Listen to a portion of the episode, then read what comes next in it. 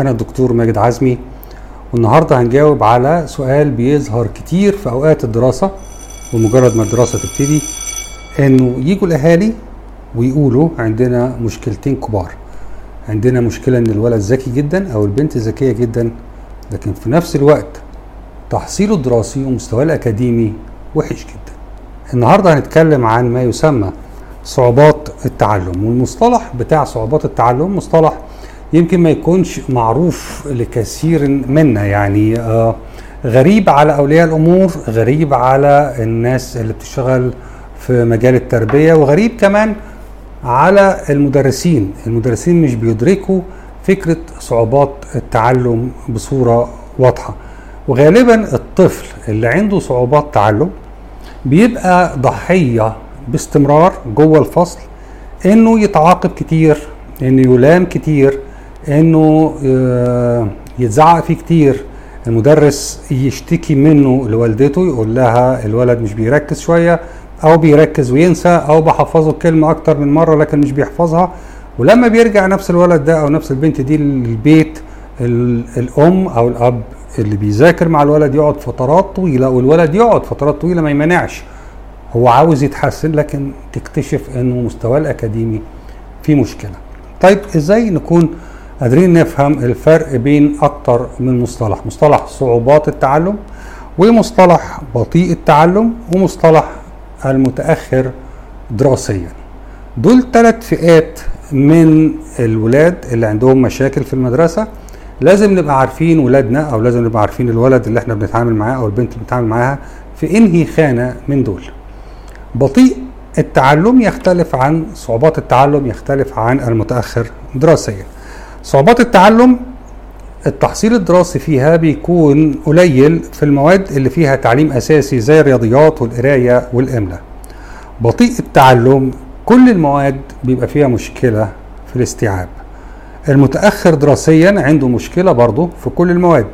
فهنا بنلاحظ إن في تشابه في الثلاثه إن الثلاثه اكاديميا عندهم مشاكل.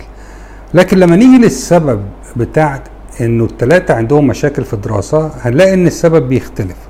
الناس اللي عندها صعوبات تعلم عندها مشاكل في القدرات النمائية بتاعتها. عندها مشكلة في الانتباه عندها مشكلة في الذاكرة عندها مشكلة في التركيز عندها مشكلة في الإدراك. هم عندهم مشكلة ما هنتكلم عليها بعد شوية لكن المشكلة دي بتخليهم ما بيقدروش يجمعوا المادة الدراسية بصورة مظبوطة. بطيء التعلم عنده مشكلة في الذكاء عموما. معامل ذكائه بيكون قليل. لكن المتأخر دراسيا مشكلته بتبقى في الدافع بتاعه. هو شخص مش عاوز يذاكر ومش عاوز يتعلم ومش عاوز يكون موجود جوه المدرسة. ففي واحد عنده مشكلة في القدرات النمائية بتاعته الانتباه والتركيز والاستذكار. وفي واحد تاني عنده مشكلة في معامل الذكاء وفي واحد تاني عنده مشكلة في دافعيه التعلم معامل ذكاء صعوبات التعلم مرتفع فوق التسعين. معامل ذكاء بطيء التعلم من 70 ل 84 معامل ذكاء المتأخر دراسيا فوق التسعين هو ذكي بس هو مش عايز يتعلم. المظاهر السلوكية بتاعت صعوبات التعلم شخص عادي جدا ولد هادي زيه زي أي باقي الولاد في الفصل يمكن يكون حركته كتيرة شوية لكن ما عندوش فرط حركة. لكن هو زيه زي الباقيين. الشخص بطيء التعلم عنده مشاكل في كل حاجة ليها دعوة بالذكاء. لبس هدومه الحركات اليومية إنه يعرف الفلوس دي كام ودي كام.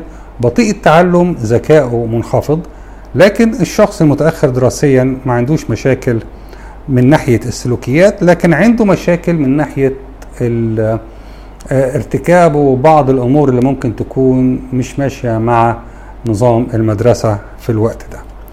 ده يقول لنا إيه؟ إنه لما نلاقي حد عنده مشكلة في الدراسة لازم نركز شوية في فكرة التصنيف بتاعه. فإذا كان ذكائه عالي هيبقى يا إما صعوبات تعلم أو متأخر دراسيا. إذا كان التصنيف العالي مصحوب بأن الولد مجتهد وبيذاكر بس مش بيعرف يحصل بيكون صعوبات تعلم إذا كان مصحوب ولد مش عايز يذاكر ومش عايز يروح المدرسة وعنده سلوكيات مش مظبوطة يبقى ده متأخر دراسيا.